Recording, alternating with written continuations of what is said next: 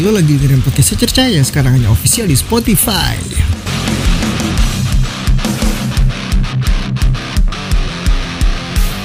Kita bakal bahas hal-hal menarik di sini, so terus pantengin aja.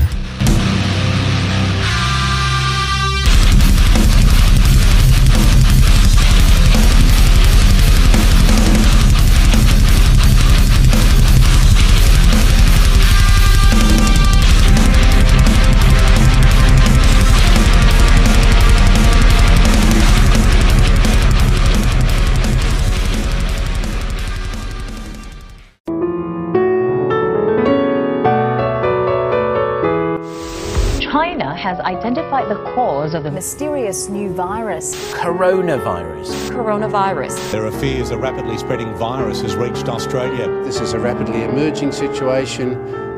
There there is not a cause for alarm. The first U.S. case has been detected. There's confirmation the coronavirus has reached Australia. China is urging its citizens not to travel abroad as it struggles to contain the virus.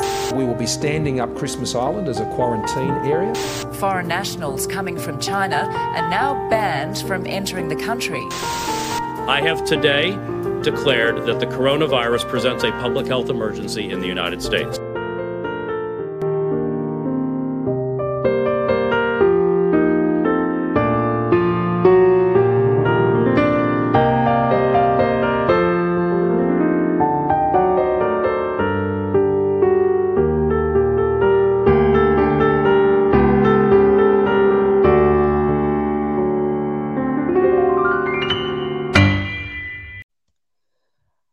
Oke, nggak perlu pakai intro-intro lagi. Kembali lagi sama gue yang cuma Tindas di podcast secerca yang udah pasti udah ya udah kerjasama lah sama Spotify. Sekarang kita eh, karena udah mau akhir-akhir season ya kan, bisa kali ya kita bahas yang agak-agak riskan gitu kan di pinggir-pinggir jurang gitu kan. Kali ini sih gue pengen bahas COVID-19 gitu. Nah kebetulan hari ini tuh gue udah coba ngubungin abang-abangan gue lah istilahnya. Abang-abangan gue, dia seorang dokter beneran. Gitu. Please welcome kali ya. Ada Abang Ramos. Halo Bang. Halo, halo, halo. Gila, Halo. gila gue. gue jujur loh, gue sampai saat ini gue deg-degan ngobrol sama lo. Gila. Gue juga deg-degan sebenarnya. Juga deg-degan nih. Iya. Oke Bang, without Hmm. without, without further ado atau kalau dalam bahasa Spanyolnya eh, tanpa basa-basi lagi, gue pengen tahu deh, Bang, lo, lo itu dokter jurusan apa Bang? Maksudnya eh, lo itu dokter kan, yang kita tahu Iya. dokter dan dan lo tuh dokter spesialis apa Bang? Oh. Kalau gua sebenarnya masih dokter umum sekarang. Oh masih dokter umum ya? Ya. Untuk saat ini. Tuh. Gua itu sekarang eh, lebih banyak kerja di IGD. Oh deh. Di Iya, rumah sakit apa Bang? Kalau boleh tahu Bang? Untuk saat ini gue kerja di rumah sakit di RSUD Weda. Itu tepatnya ada di Halma Era Tengah di Maluku Utara. Berarti lo sekarang lagi di Maluku Utara nih? Iya, sekarang lagi di Maluku Utara. Shout out buat Bang Ramos, anjir. Gue eh, gue gak tau loh Bang, sumpah. Gue gak tau loh kalau misalkan lagi di Maluku. Iya, makanya waktu lo ngubungin gue kemarin, Ah, ah. lo bilang jam kita mau podcast tuh harus gue tambah dua tuh, karena gue sekarang WIT di sini. iya itu. Which is Iya. sekarang berarti udah mau jam 12. Iya, jam sebelasan lah, 11 malam. Oh jam 11 malam. Wah lo kenapa gak bilang? Kalau gitu kan gue bisa bisa gue bisa gue mundurin tadinya. Gak apa-apa sih, gue juga kebetulan lagi kosong juga sih. Lagi kosong juga ya. Berarti sekarang udah off ya Bang ya? Sekarang sekarang lagi off gue. Oke, jadi gue sudah mengumpulkan beberapa pertanyaan yang eh, gue pengen tahu pendapat lo aja deh bang sebagai anak muda dan lo tuh juga dokter muda lah ya kan? Iya, hitungannya masih muda lah ya. Iya masih muda dong. Iya. Bang Bang Ramos jadi, eh, jadi gini, gue sudah mensurvei ke ke beberapa orang sebenarnya untuk untuk pertanyaan-pertanyaan ini. Jadi ini pertanyaan yang eh, gue Mhm. tidak membuat sendiri tapi gue pertanyakan ini ke, kepada banyak orang. Dan kebetulan gue tidak jawab eh, mendapatkan jawaban yang apa ya sekiranya memuaskan gue gitu. Jadi gini bang, ini kan kita udah masuk ke dalam dua tahun COVID-19 nih. Ya kan Iya. kita tahu adalah tahun kedua COVID-19. Nah langkah preventif apa yang eh, dokter sekarang lakukan? Karena menurut gue udah banyak banget negara yang memperlakukan peraturan melepas masker bang. Hmm. Jadi pertanyaannya tuh udah dua tahun kenapa belum ada perkembangan gitu? Yes. Sebenarnya sih sudah tahun lalu sih sudah mulai ada perkembangan. Cuman kan kita tahu tuh ada varian baru lagi masuk kan. Tuh yang varian Omicron. Mhm, mhm. Nah, varian Omicron masuk sempat balik lagi tuh ke pembatasan aktivitas lagi kan. Yes. Nah, terus akhirnya sekarang sih kalau dilihat perkembangannya sudah lebih baik ya. Kasus-kasus sudah mulai turun. Terakhir Ya. diumumin tuh kita udah masuk ke endemik gitu dari turun dari pandemi. Tuh, jadi Hmm. kalau pandemi sendiri kan itu suatu wabah yang sifatnya global ya. Wabah yang sifatnya global ke satu dunia. Kalau endemi itu dia sifatnya lokal dan kemungkinan ada terus-menerus. Jadi kalau kita bilang endemi itu contohnya bisa kayak demam berdarah, malaria. Jadi gua rasa sih ke depannya mau nggak mau ya tuh COVID bakal ada terus di samping kita. Kayak demam berdarah, kayak malaria. Tuh ya mau gimana lagi tuh. Tapi dengan tapi dengan peraturan eh, melepas masker ini menurut, menurut lo efektif kah? Apakah Indonesia akan sampai ke sana atau Indonesia akan hidup dengan prokes? Nah, kalau di negara barat tuh emang kan kasusnya udah udah rendah ya, udah benar-benar rendah dan tingkat cakupan vaksinasinya tuh udah tinggi gitu. Jadi keputusan mereka pemerintah akhirnya keputusan ya melepaskan masker. Gua rasa sih Indonesia kalau bisa naikin efektivitas rate vaksin juga nurunin kasus sih. Gua optimis sih bisa sampai ke arah sana gitu, ke arah ngelepas masker. Tuh. Dan juga ya eh, untuk mudik ini kan udah mau lebaran nih. Iya, iya. Itu juga udah diizinin tuh dari pemerintah. Bahkan dengan lo udah vaksin nggak harus pakai rapid-rapid lagi udah bisa pakai transportasi umum lagi sekarang kan. Tuh. Udah mulai ke arah tahap sana sih, mungkin agak lebih lambat ya. Karena kan kita negaranya besar, negara kepulauan lagi kan. Orangnya juga ya lo tau sendiri lah kayak gimana. Iya. Masih banyak yang bigot ya, Bang. Apalagi kalau di IG kan ada postingan orang ngumpul, pasti komennya nggak jauh-jauh dari COVID. Bahas pemerintah. Aduh, gue mah ketawa-ketawa aja sih baca-baca komen gitu. Nah, sebenarnya gini loh, Bang. Gue tuh punya pertanyaan dalam pikiran gue dan hati nurani Hmm. gue. Oke, kayak Hmm. ini tuh sebenarnya status status kayak Omicron, Delta ini tuh sebenarnya Hmm. datangnya dari mana sih, Bang sebenarnya? Maksud gue Datangnya. Ya, Heeh, ya katakanlah ya udah virus itu berevo- berevolusi gitu loh. Mm-mm. Terus itu lu tahu dari mana itu evolusi itu gitu? Oh, jadi sebenarnya virus ini dia kalau kita bilang dia terdiri dari protein, kayak tubuh kita juga gitu terdiri dari protein. Jadi bentukannya tuh kalau kita visualisasiin ya, kalau kita bayangin gitu, itu Mhm. kayak ada bola, bola kayak bola bola kaki gitu lah. Terus ada Iya. duri-durinya. Oke. Gitu. Jadi bentukannya kayak gitu.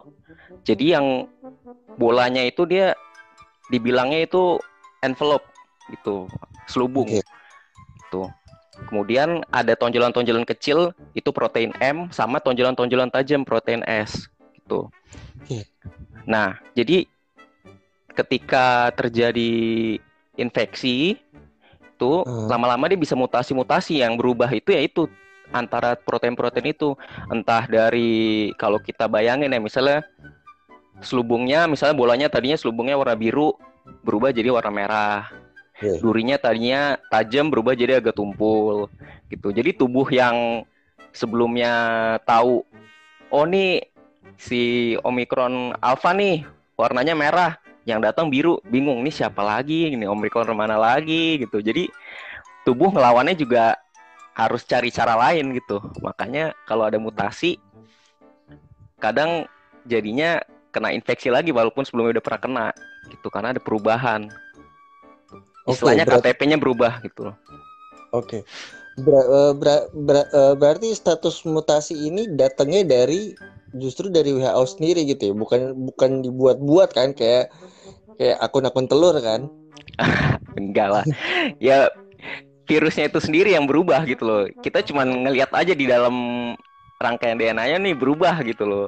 Bukan kita buat-buat juga ngapain juga dibuat-buat? Karena ini ini ini menjawab menjawab apa namanya akhirnya menjawab eh karena kan gue sempet yang kayak eh apa ya mungkin kemakan media kali ya. Jadi kan kayak eh kalau misalkan kita gabungin nih O- Omicron sama Delta itu akan membentuk sebuah kata yaitu media kontrol. Sebenarnya itu kan cuma kayak tokologi doang gitu loh. Cocokologi sih itu. Kan. berarti memang benar-benar itu dokter tuh meneliti ya sampai segitunya. Ya? meneliti gitu. Karena kalau dibilang Omikron ini dia virusnya itu nggak stabil dia perubahannya. Jadi dia nih virusnya labil. Kayak anak-anak baru puber gitu Waduh. dikit-dikit. Dikit-dikit gondrong. Besok cepat ya kan? Besok botak Iya. mamanya kita mamanya bingung nih anak kenapa nih berubah mulu? Susah kenalin ya kan? Kayak gitu juga nih virus.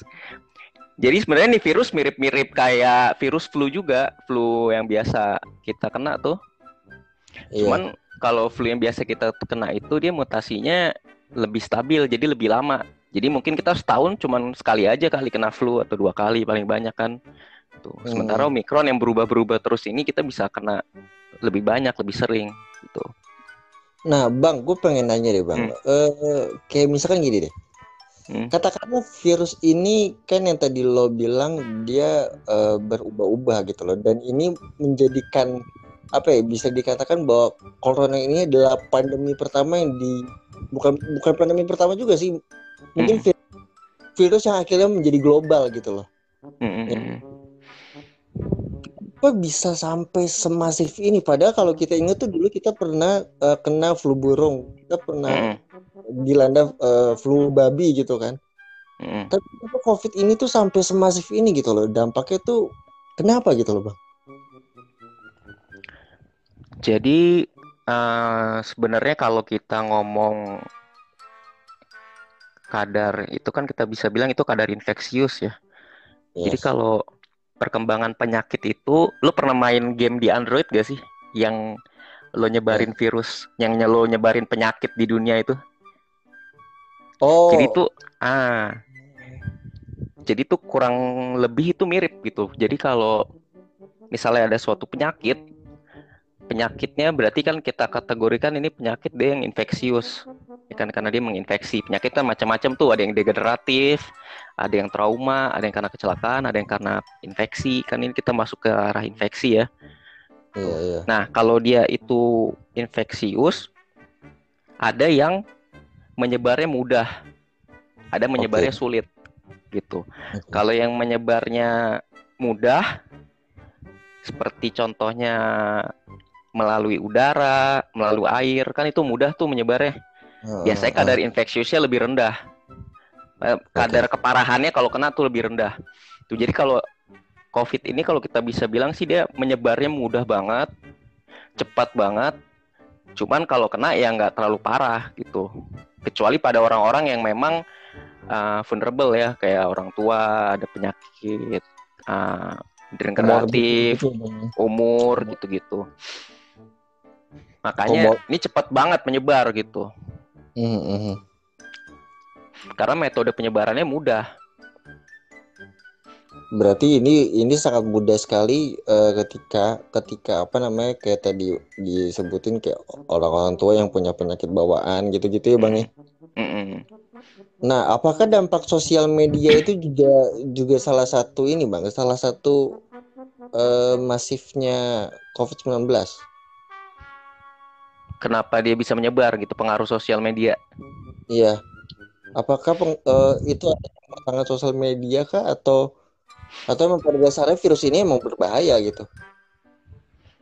Kalau dari pengaruh sosial media sih menurut gua mungkin dari awal-awal baru masuk COVID itu banyak orang yang menyebarkan informasi-informasi yang mungkin misleading gitu, misleading sehingga lebih mempermudah lagi di virus buat uh, menyebar di terutama di negara kita ya. Tuh. Jadi bilang cuman apa bentukannya dari negara sana lah, bilang ini konspirasi Mama Rika lah, Oh, bilang bilang ini penyakit buatan apalah. Jadinya orang-orang nggak aware, nggak percaya, nggak ngejalanin prokes.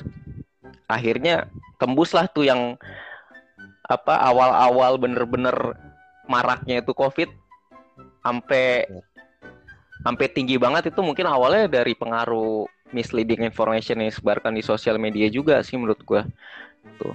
Bahkan orang yang udah kena pun keluarganya pun yang udah kena itu pun masih apa ya masih menyempelekan gitu kalau apa nih virus sih gue kena nih misalnya gue kena nih ah dua hari juga sembuh.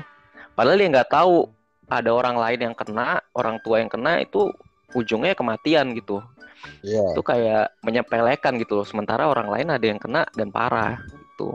Itu tuh awal-awal awal-awal dari sana sih. Bahkan sampai sekarang pun orang-orang masih masih nggak aware gitu loh terhadap covid ini meskipun ya sudah cakupan vaksinasi kita sih bagus sih sudah tinggi gitu Nah ngomong no- nah, ngomongin vaksinasi ini kan kita udah masuk ke tahap ketiga ya, yaitu sebutannya booster bang. Iya. Nah menurut lu apakah eh, booster ini sebenarnya perlu atau ini jadi program rutin setiap tahunnya kah? Untuk eh, ini cuma buat sekedar menghabiskan kuota vaksin agar negara nggak atau atau memang ada agenda lain gitu bang? Ini tuh pertanyaan itu sudah hai semua. agenda agenda apa nih maksudnya agenda pemerintah yang tersembunyi gitu Iya gitu karena kan eh, karena kan vaksin ini kan ya kita tahu kita tahu sendiri bahwa abang-abang kita semua gitu kan bapak bapak L itu kan Eh, nah, gitu loh. Saya takutnya tiba-tiba keluar rumah ada tukang bakso saya, saya nggak berani. ini gue menjawabnya sebagai eh, dokter atau sebagai konspirasi teoris nih Kedua halnya boleh sih bang. Kedua halnya boleh. Supaya imbang. kalau kalau secara medis ya pasti vaksin ya berguna kan karena kan dia istilahnya kalau kita disuntik vaksin tuh tubuh kita dikasih tahu tuh woi nanti tuh bakal ada orang mau datang rambutnya cepak mukanya hijau lo hati-hati kalau datang lo usir aja. Kan istilahnya gitu kan kalau kita Iya. disuntik vaksin tuh. Cuman gua rasa sih vaksin ini bakal bakal ada berulang. Kayak contohnya vaksinasi flu. Lo tau flu yang biasa kita kena tuh? Bukan covid flu yang biasa kita kena. Itu juga ada vaksinasinya sebenarnya. Cuman dia itu nggak wajib dan biasanya setahun sekali. Tuh kalau covid gua rasa sih ada perkembangan ke arah ini bisa setahun sekali, setahun dua kali atau bahkan setahun tiga kali, tapi kita belum tahu. Tuh ngeliat ke depan gimana perkembangannya, gimana mutasinya. Tuh. Tapi kalau secara konspirasi teori sih, Aduh aduh. gua rasa, gua rasa sih nggak ada yang gitu-gitu sih ya nggak ada gua, gua rasa sih nggak ada ya. Sangat diplomatis sih jawabannya temannya. diplomatis sekali. Aman sekali. Sulit untuk digiring memang.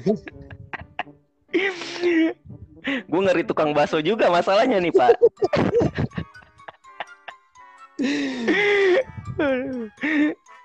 tapi bang serius deh, gue gue pengen gue Hmm. pengen tahu efektif apa sih booster itu bang sebenarnya bang untuk untuk menangani va- varian o, o- o- varian apa apa apa untuk menangani varian omikron ini bang se efektif apa sih kalau bisa Untuk dibilang yang varian apa? Varian Omicron ya. Ya sama delta lah Kalau untuk keefektif keefektifan ya, keefektifan kalau kita sudah tiga dosis nih, Iya. misalnya tiga dosis ya, tiga dosis, tergantung kita pakai vaksin apa. Tuh, kalau kita pakai vaksin Sinovac, tuh kurang lebih dia 70% lah keefektifannya. Kalau kita udah pakai yang Sinovac tiga kali ya. Kalau kita pakai AstraZeneca. AstraZeneca itu lebih bagus lagi. Kurang lebih 90-an. Kalau pakai Pfizer tuh 93. Gitu. Kalau pakai vaksin tersebut, kalau dari awal dia AstraZeneca lebih bagus lagi. Cuman gua agak lupa kurang lupa di angka pastinya berapa gitu. Tapi kalau dia AstraZeneca dia lebih bagus lagi. Kalau Pfizer lebih bagus lagi dari Astra, Moderna paling bagus. Tuh, itu sih. Eh, perbedaan keefektifan vaksin COVID tersebut. Tapi bukan berarti orang yang yang sudah divaksin tiga kali itu tidak tidak tidak menjamin bahwa dirinya akan terkena COVID-19 ya. Wah, enggak dong. Kan kalau bahkan 99% keefektifan masih ada satu persen kemungkinan kena kan. Iya betul. Jadi jangan gimana Anda anjing kalian. Tentang udah divaksin kali. Sombong ya kalian aja jalan keluar negeri foya-foya anjing. Satu persen bermakna tuh. Satu persen itu bermakna loh. Iya. Karena tapi satu persen gagal gagal semua loh. Yang penting kan sudah mencoba kan. Dia sudah mencoba gitu kan. Iya. Nah, Bang, dengan adanya peraturan eh, pencabutan swab swab antigen dan karantina yang berlaku di setiap perjalanan ro- domestik maupun non domestik, eh, kalau- kalau lo sebagai dokter, Bang, apa yang menjadi ketakutan lo ketika semua larangan itu dicabut? Kalau gue jujur khawatir, even gue bukan dokter pun gue khawatir. Sebenarnya sih secara kalau kekhawatiran sih gue nggak ada rasa khawatir ya. Karena gue kepercaya kepada yang maha kuasa. Ah, sedap. Comeback stronger. Cuman kalau secara secara statistik sta- statistik sih dengan eh, lu udah vaksin tiga kali, Iya. emang sebenarnya nggak rapid rapid itu sih udah emang nggak perlu lagi sih. Yang penting lu tetap kalau gua sih yang penting gua tetap pakai masker. Tuh intinya sih gua tetap pakai masker. Yang kalau paling bagus ya minimal masker medis lah kalau bisa yang di atasnya lagi tuh tapi gua rasa sih dengan ngebuat eh, boleh tanpa rapid sih udah tepat sih gitu apalagi udah mau lebaran nih biar perekonomian muter lagi kan yang udah tersendat tersendat ini tuh Oh, gue Apalagi- pikir gini bang, sorry bang, gue Hmm. gue pikir gini, apa namanya eh, rapid antigen itu dicabut gara-gara Hmm. ini, gara-gara MotoGP kembali. Swah, lanjut bang. biar ada yang nonton ya Iya. tapi gua rasa sih kalau nonton MotoGP mau ada rapid mau ada enggak sih ya gas aja rapid berapa sih buat mereka ya enggak sih Iya sih. Nah, Iya. Cuma kan, ya, lanjut.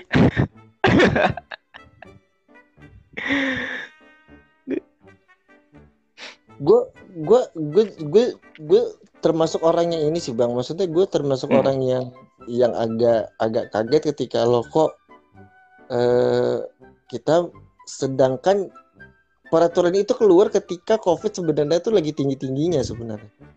Ya nggak sih? Mm-mm.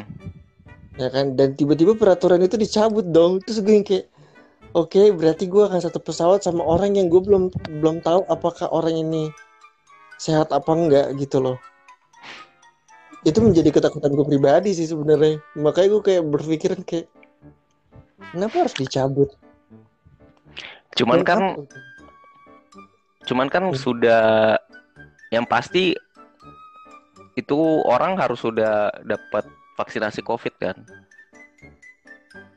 ah nih ini ini ini ngomongin vaksinasi covid gue kemarin eh, ngobrol sama cewek gue lah Mm. dan eh, cewek gue bilang kalau misalkan apa namanya ada loh orang-orang yang dia itu ini sebenarnya agak sensitif sih cuma ya udahlah what the Mm. fuck lah Mm-mm. eh ada orang-orang yang dia mem- yang dia memasukkan vaksinnya. Jadi dia belum divaksin, cuma Mm. dia punya sertifikat vaksin yang ketika di scan itu keluar gitu loh. Itu kan bikin tambah gue tambah parno ya ketika gue dengernya. Oh, bisa sekarang kita vaksin masuk data ke Peduli Lindungi. Nah itu, nah itu dia yang yang apa yang yang yang gue kemarin tanyain ke cewek gue kayak emang betulan ada yang kayak gitu. Karena kan setahu gue yang namanya Hmm. udah sini itu ya itu akan masuk ke KTP lo. Iya. Kan ya itu kan? Ot- ot- otomatis dia itu masuk ke aplikasi kan. Iya, dan itu pun juga tidak eh, ketika masuk datanya ke KTP itu tidak tidak tidak semudah yang dibayangkan gitu loh. Mm-mm. Ada gitu loh. Gue kayak mikir ini serius. Ini ini malah menjadi bikin gue tambah parno cuy buat keluar-keluar kota. Karena gue takutnya jahitnya ini sebenarnya penipuan. Karena kan itu udah kriminal dong. Itu gua rasa sih udah tahap kriminal sih. Setuju sih. Itu kan kriminal cuy. Yang pertama lo memalsukan data negara, yang ke yang kedua lo mengancam publik. Gitu loh. Wah, itu gue kayak wah nih orang ngentot sih. Sorry sorry sorry sorry. Sorry, gue agak gue agak gue agak kesel soalnya. Nah, kalau kita ngomongin balik lagi ke sosial media bang, lo Hmm. mungkin tahu eh, beberapa eh, beberapa hari terakhir ini kita di, dikagetkan dengan kasus dokter Terawan yang akhirnya eh, di apa dipecat dari ID bang. Tanggapan lo apa sih bang sebagai dokter bang? Waduh. Itu Ini agak deep nih pertanyaannya nih. itu agak-agak agak-agak kontroversial juga ya. Karena ka- karena kan kita sama-sama kaget dong. Karena eh, kita Mm-mm. tahu eh, ada produknya dokter Terawan. Gue gua lupa deh.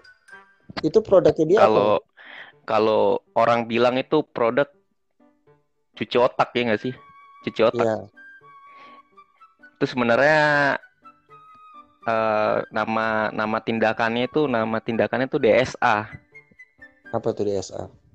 digital kalau kepanjangannya itu di- digital sub- subtraction angiography. Itu- Itu kan sebenarnya udah udah lama banget gak sih itu diributin? Iya. Kalau nggak salah itu udah dua atau tiga tahun yang lalu itu sempet ribut tuh.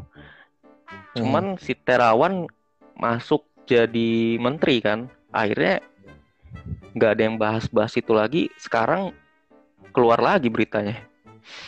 Tuh, jadi itu sebenarnya mirip-mirip kayak kayak di kalau di jantung tuh kalau kalau ada sumbatan tuh kita kan bisa istilahnya katerisasi kan untuk Iya. untuk untuk sumbatannya itu kateterisasi pasang apa namanya kalau orang bilang pasang ring ya kan Iya. cuman kalau ini tindakannya di pembuluh darah otak tuh jadi kalau ada sumbatan di subtraction atau di diambil itu nama tindakannya DSA itu Hmm. gua rasa mungkin tindakan ini eh gimana cara ngomongnya ya Nggak apa-apa lepasin aja udah. Tukang beli dah. tindakan ini gue rasa masih belum ada belum rutin dilakukan gitu. Masih belum ada landasannya. Siapa yang bisa ngelakuin? Kan dokter terawan itu dia radiologis interven intervensi radiologis gitu. Jadi dia itu dokter radiologi tapi bisa ngelakuin tindakan. Kayak dokter bedahnya radiologi gitu Oke. mungkin istilahnya ini bisa dilakukan oleh uh, radiologi intervensi atau dilakukan oleh bedah saraf atau dilakukan oleh dokter saraf atau dilakukan oleh dokter pembuluh darah. Jadi ini masih gray area gitu loh. Gak tahu Oke. siapa yang bisa ngelakuin dan uh, banyak uang yang berputar di situ. Oke. Nah, ada kalau udah ada uang yang banyak yang berputar kan urusannya di mana-mana ribet gak sih? Iya. Kalau udah ngomongin uang sih lo sikut kiri sikut kanan ya udah biasa kan. Iya. Kalau udah kalau udah ngomongin uang kan itu loh. Nah, udah dia ini gray area, maksudnya ini wilayah abu-abu.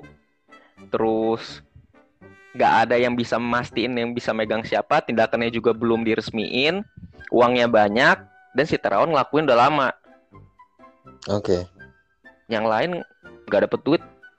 Lu kalau ngelihat orang ngelakuin sesuatu di gray area aman, sebenarnya itu belum ada landasan hukum, lo ada rasa iri gitu lo ngeliatnya. Ya nggak sih? Iya. Iya, iya. Nih orang mancing di laut yang nggak boleh, cuman kagak ada yang merhatiin, dia dapet ikan banyak banget sialan nih orang. Iya, Tangkep bener, juga bener. Iya kan? Bener, bener, bener. Itu juga. Masalahnya ngomongin duit nih kan susah gitu loh. Gua rasa Iya. sih ini disclaimer ya, gue juga menurut gua ini loh, ini bukan berdasarkan penelitian atau berdasarkan apa ya, tapi menurut gua ya. Apalagi nama tindakannya orang bilang cuci otak kayak tindakan magis apaan sih gitu bilang DSA kayak apa kayak gitu metode cuci otak serem amat Kan produk, produk, kan produk. produk gitu. Tapi kalau kita bilang sih nama tindakannya DSA dilakukan di tindakan yang gray area tadi yang gue bilang itu makanya jadinya ribut gitu loh. Berarti emang berarti emang dokter terawan ini memang hmm. Hmm. Eh, living dangerously. living dangerously ya, hidup seperti Ya. Larry lagi. Tag life, tag life. tak tak tak banget. Ini gue punya dua terakhir sih. Hmm. Eh, gue punya pertanyaan terakhir karena eh, saya sudah mulai tidak nyaman dengan pertanyaan dokter terawan tadi ya bang ya agak-agak gitu. Jadi kita skip aja. Jadi gini bang, Mer- Hmm. kalau misalkan menurut lo sebagai dokter, lo kan sekarang lagi lagi tinggal di Halmahera kan? Maksudnya lo Yoi. tinggal di kota yang gue gue apa sih nggak nggak begitu tahu tentang untuk sudah maju apa belum.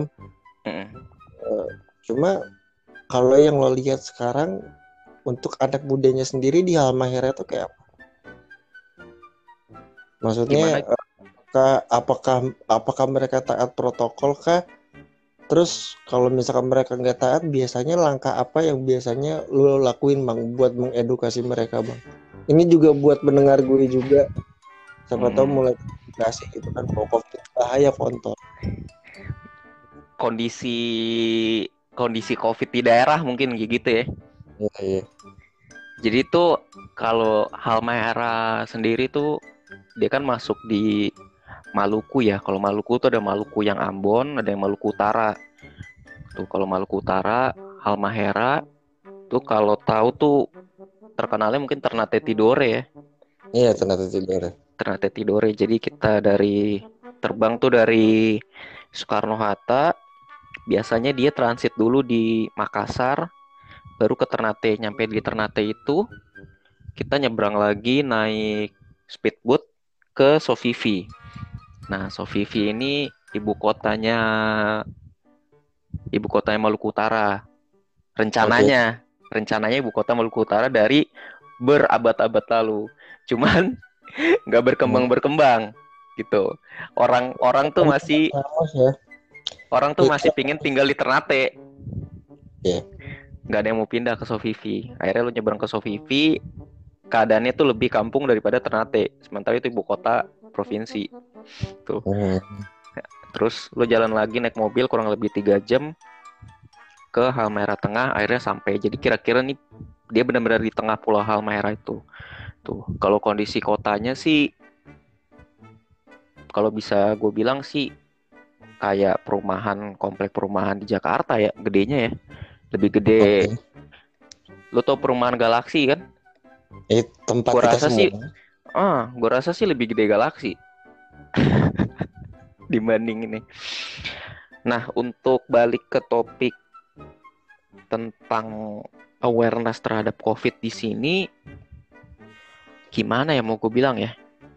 Untuk pertama untuk awareness udah pasti rendah gitu. Oke. orang-orang hampir mayoritas ya kalau gue bisa bilang sih 90% ke atas kali ya. Atau bahkan kayaknya kalau gue keluar ke kota tuh gue doang yang pakai masker.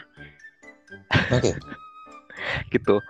Kalau gue bilang sih kalau gue ke kota paling misalnya gue ke swalayannya gitulah toko toko bahan pokok paling gue doang gitu yang pakai masker yang lain gak ada. Tuh Sama itu sekali tuh. sama sekali nggak ada. Sama sekali event penjualnya pun juga nggak pakai masker. Maksudnya yang Event- jaga event yang jaga nggak pakai gitu. Jadi kalau gue bilang untuk untuk keseharian di sini yang pakai masker tuh yang kerja di rumah sakit doang. Oke, nakes ya. nakes doang. Tuh Hmm. untuk untuk yang pekerjaan lain eh kalau di pemerintahan gue belum merhatiin ya karena gue baru ngurus-ngurus itu paling ke dinkes gitu. Ke dinkes juga beberapa pakai beberapa enggak. Event itu Hmm. dinas kesehatan ya. Tuh Oke, oke. tapi untuk apa? Untuk kehidupan sehari-hari kayak di pasar kayak di swalayan sih nggak ada yang pakai. Untuk kedua untuk deteksi juga kita cuman punya rapid antigen.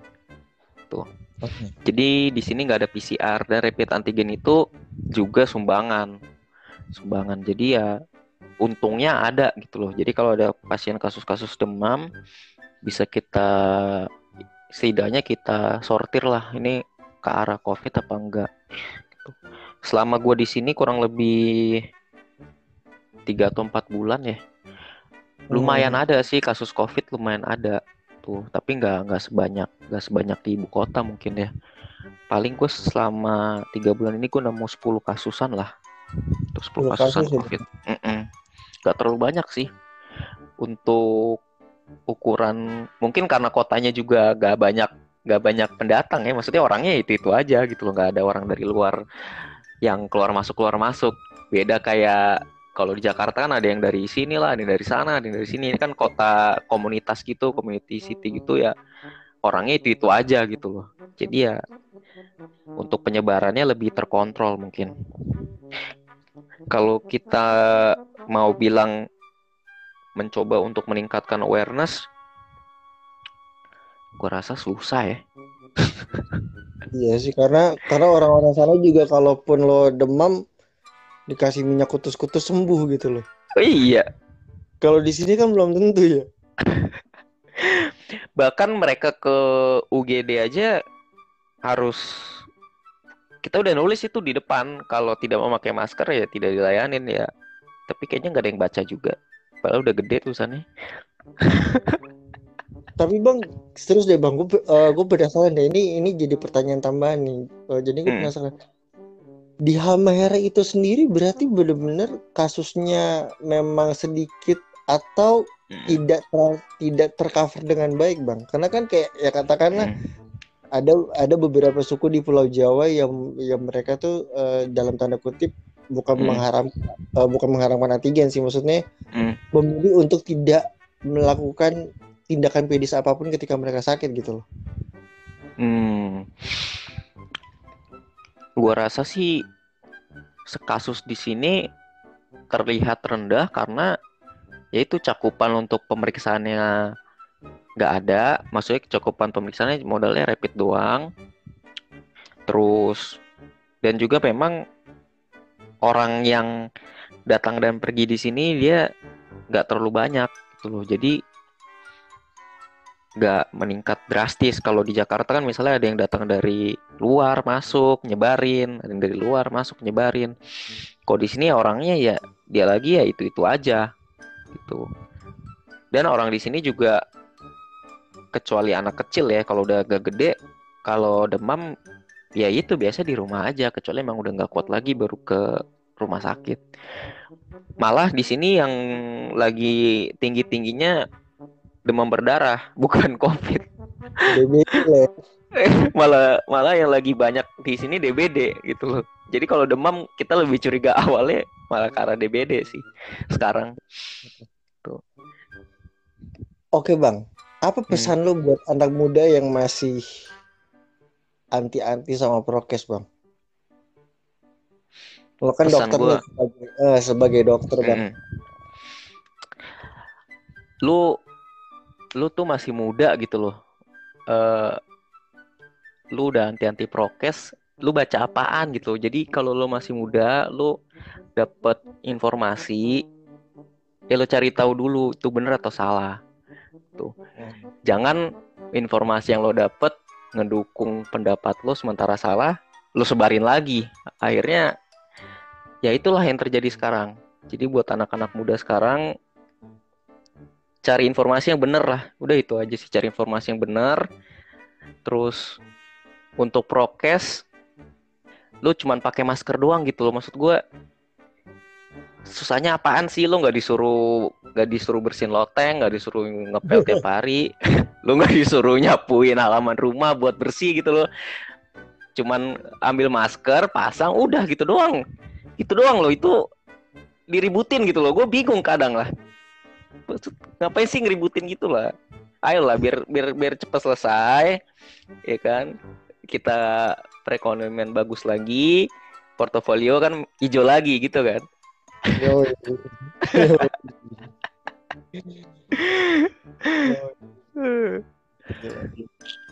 Berarti lo berapa lama bang di Halmahera bang?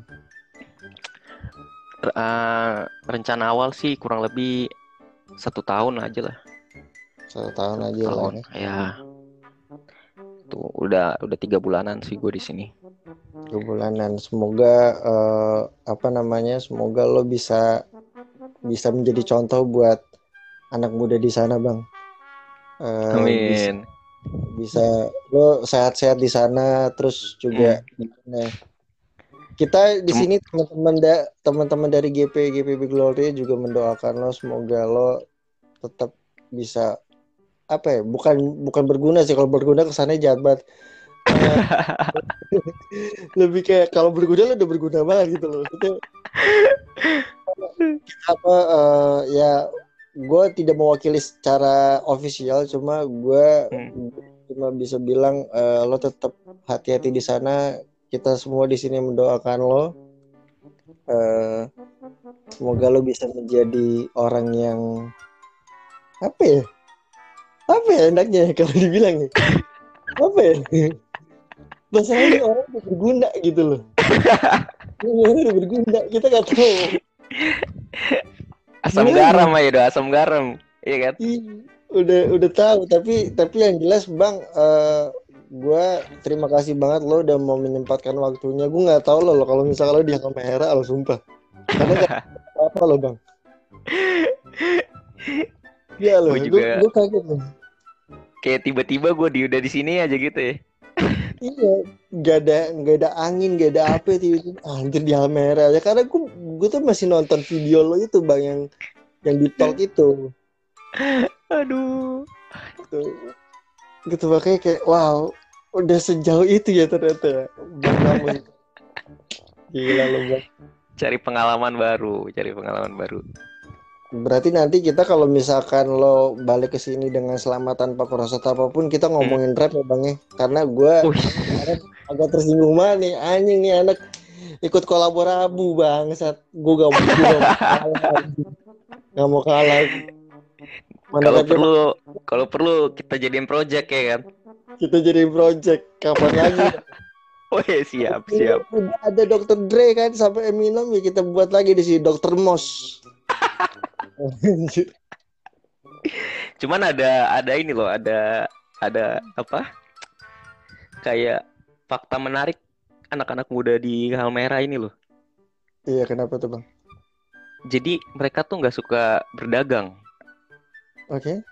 Jadi mereka tuh nganggep berdagang itu low, lowest lowest kind of job gitu loh dalam strata pekerjaan kehidupan.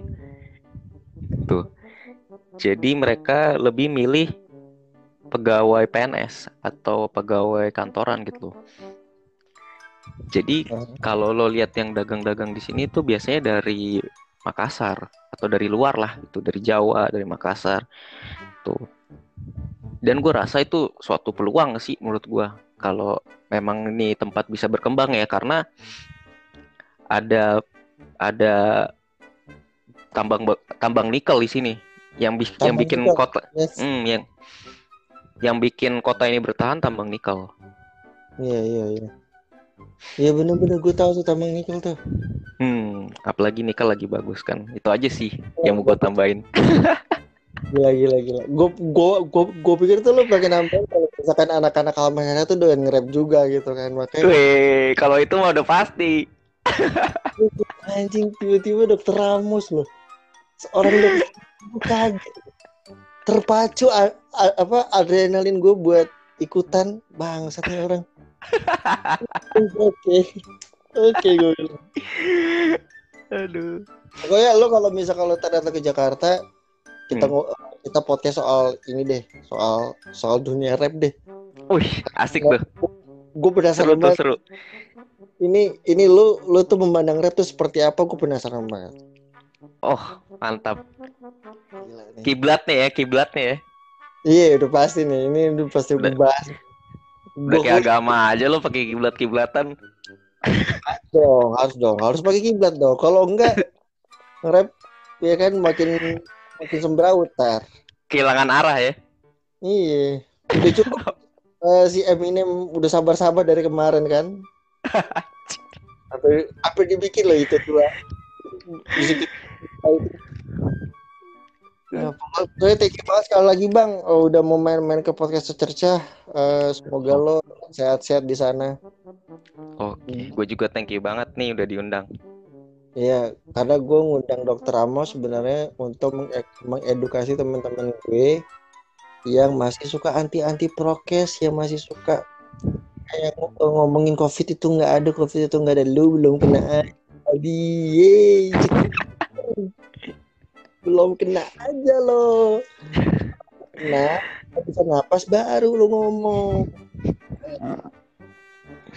udah tahu kalau sekarang udah se, se bukan bukan berarti COVID-19 itu turun lo udah enak-enak aja. Enggak, nggak bisa kayak gitu gitu loh. Prokes harus jalan, betul nggak sih dokter? Setuju. Setuju. Jadi udah lo lo edukasi diri lo sendiri ya kan. Sementara dokter Ramos melayani masyarakat dengan caranya sendiri. Sebagai orang dewasa yang yang sadar akan apa namanya yang sadar akan uh, kesehatan dan sebagai bentuk kontribusi lo sebagai orang dewasa ya lo ya lo menggunakan masker menjaga protokol kesehatan. Udah kok sesederhana itu. Ya kalaupun juga lo berpikiran dewasa. Ya ya bang ya nah ini karena bang Ramos udah di sana kayak udah setengah satu jadi kayak lama-lama takutnya besok doi kerja lagi. Ya, ya jadi gue sama Bang Ramos di sini kita pamit undur diri. Sampai ketemu di episode terakhir. Hari Kamis besok season 1 kita ketemu di bulan Mei. Sampai jumpa teman-teman. Bang thank you Bang. Thank you. Fuck you and your mom and your sister and dan sementara itu ada penambahan 9 warga Jawa Barat terpapar. Pada hari Selasa 1 Februari 2022 tercatat lebih dari 16.000 kasus baru COVID-19 dan ini menjadi kasus harian tertinggi selama Januari. Terkait dengan temuan pertama kalinya kasus varian baru COVID-19 Omicron. Laporan GSI per 9 Desember 2021 mencatat ada 48 kasus COVID-19 varian Omicron ada lebih yang dari 33 ribu kasus COVID-19 baru dalam sehari dengan kasus aktif yang menembus angka 160 ribu. Pemerintah mengakui kapasitas tes tak bisa mengejar kecepatan penularan kasus, sementara keterisian rumah sakit semakin Informasi terkait dengan pandemi COVID-19, COVID-19 varian Omicron sudah mengambil alih posisi COVID-19 varian Delta sebagai kontributor varian terbesar Nikmati rendahnya COVID-19 di COVID-19, Indonesia. baru kemarin Indonesia kembali mencatatkan penularan di atas 1.000 kasus dalam satu hari. Meningkatnya kasus COVID-19 diduga akibat varian Omicron tampak pada penutupan sejumlah sekolah.